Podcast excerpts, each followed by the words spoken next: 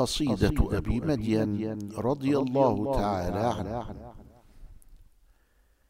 ما لذة العيش إلا صحبة الفقراء؟ هم السلاطين والسادات والأمراء. فاصحبهم وتأدب في مجالسهم. وخل حظك مهما قدموك. وراء. واستغنم الوقت واحضر دائما معهم. واعلم بأن الرضا يختص من حضر.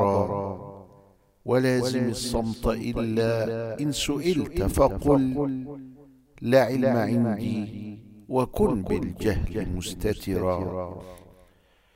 ولا ترى العيب إلا فيك معتقدا. عيبا بدا بينا لكنه استترا. وحط رأسك واستغفر بلا سبب.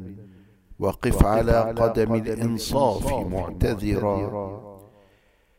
وإن بدا منك عيب فاعتذر وأقم.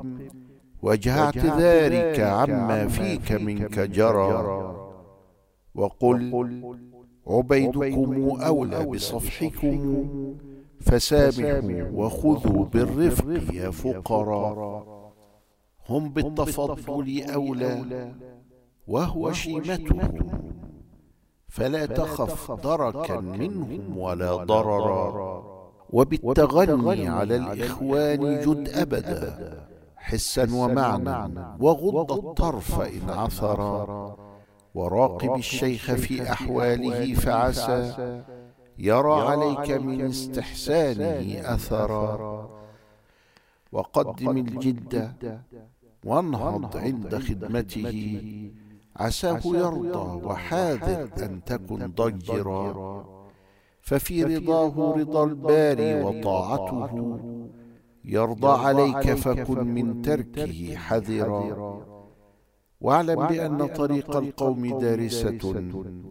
وحال من يدعيها اليوم كيف ترى؟ متى أراهم؟ وأن لي برؤيتهم أو تسمع الأذن مني عنهم خبرا. من لي وأنى لمثلي أن يزاحمهم. على موارد لم آلف بها كدرا. أحبهم وأداريهم وأوثرهم بمهجتي وخصوصا منهم نفرا. قوم كرام السجايا حيثما جلسوا.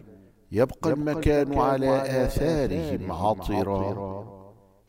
يهدي التصوف من أخلاقهم طرقا.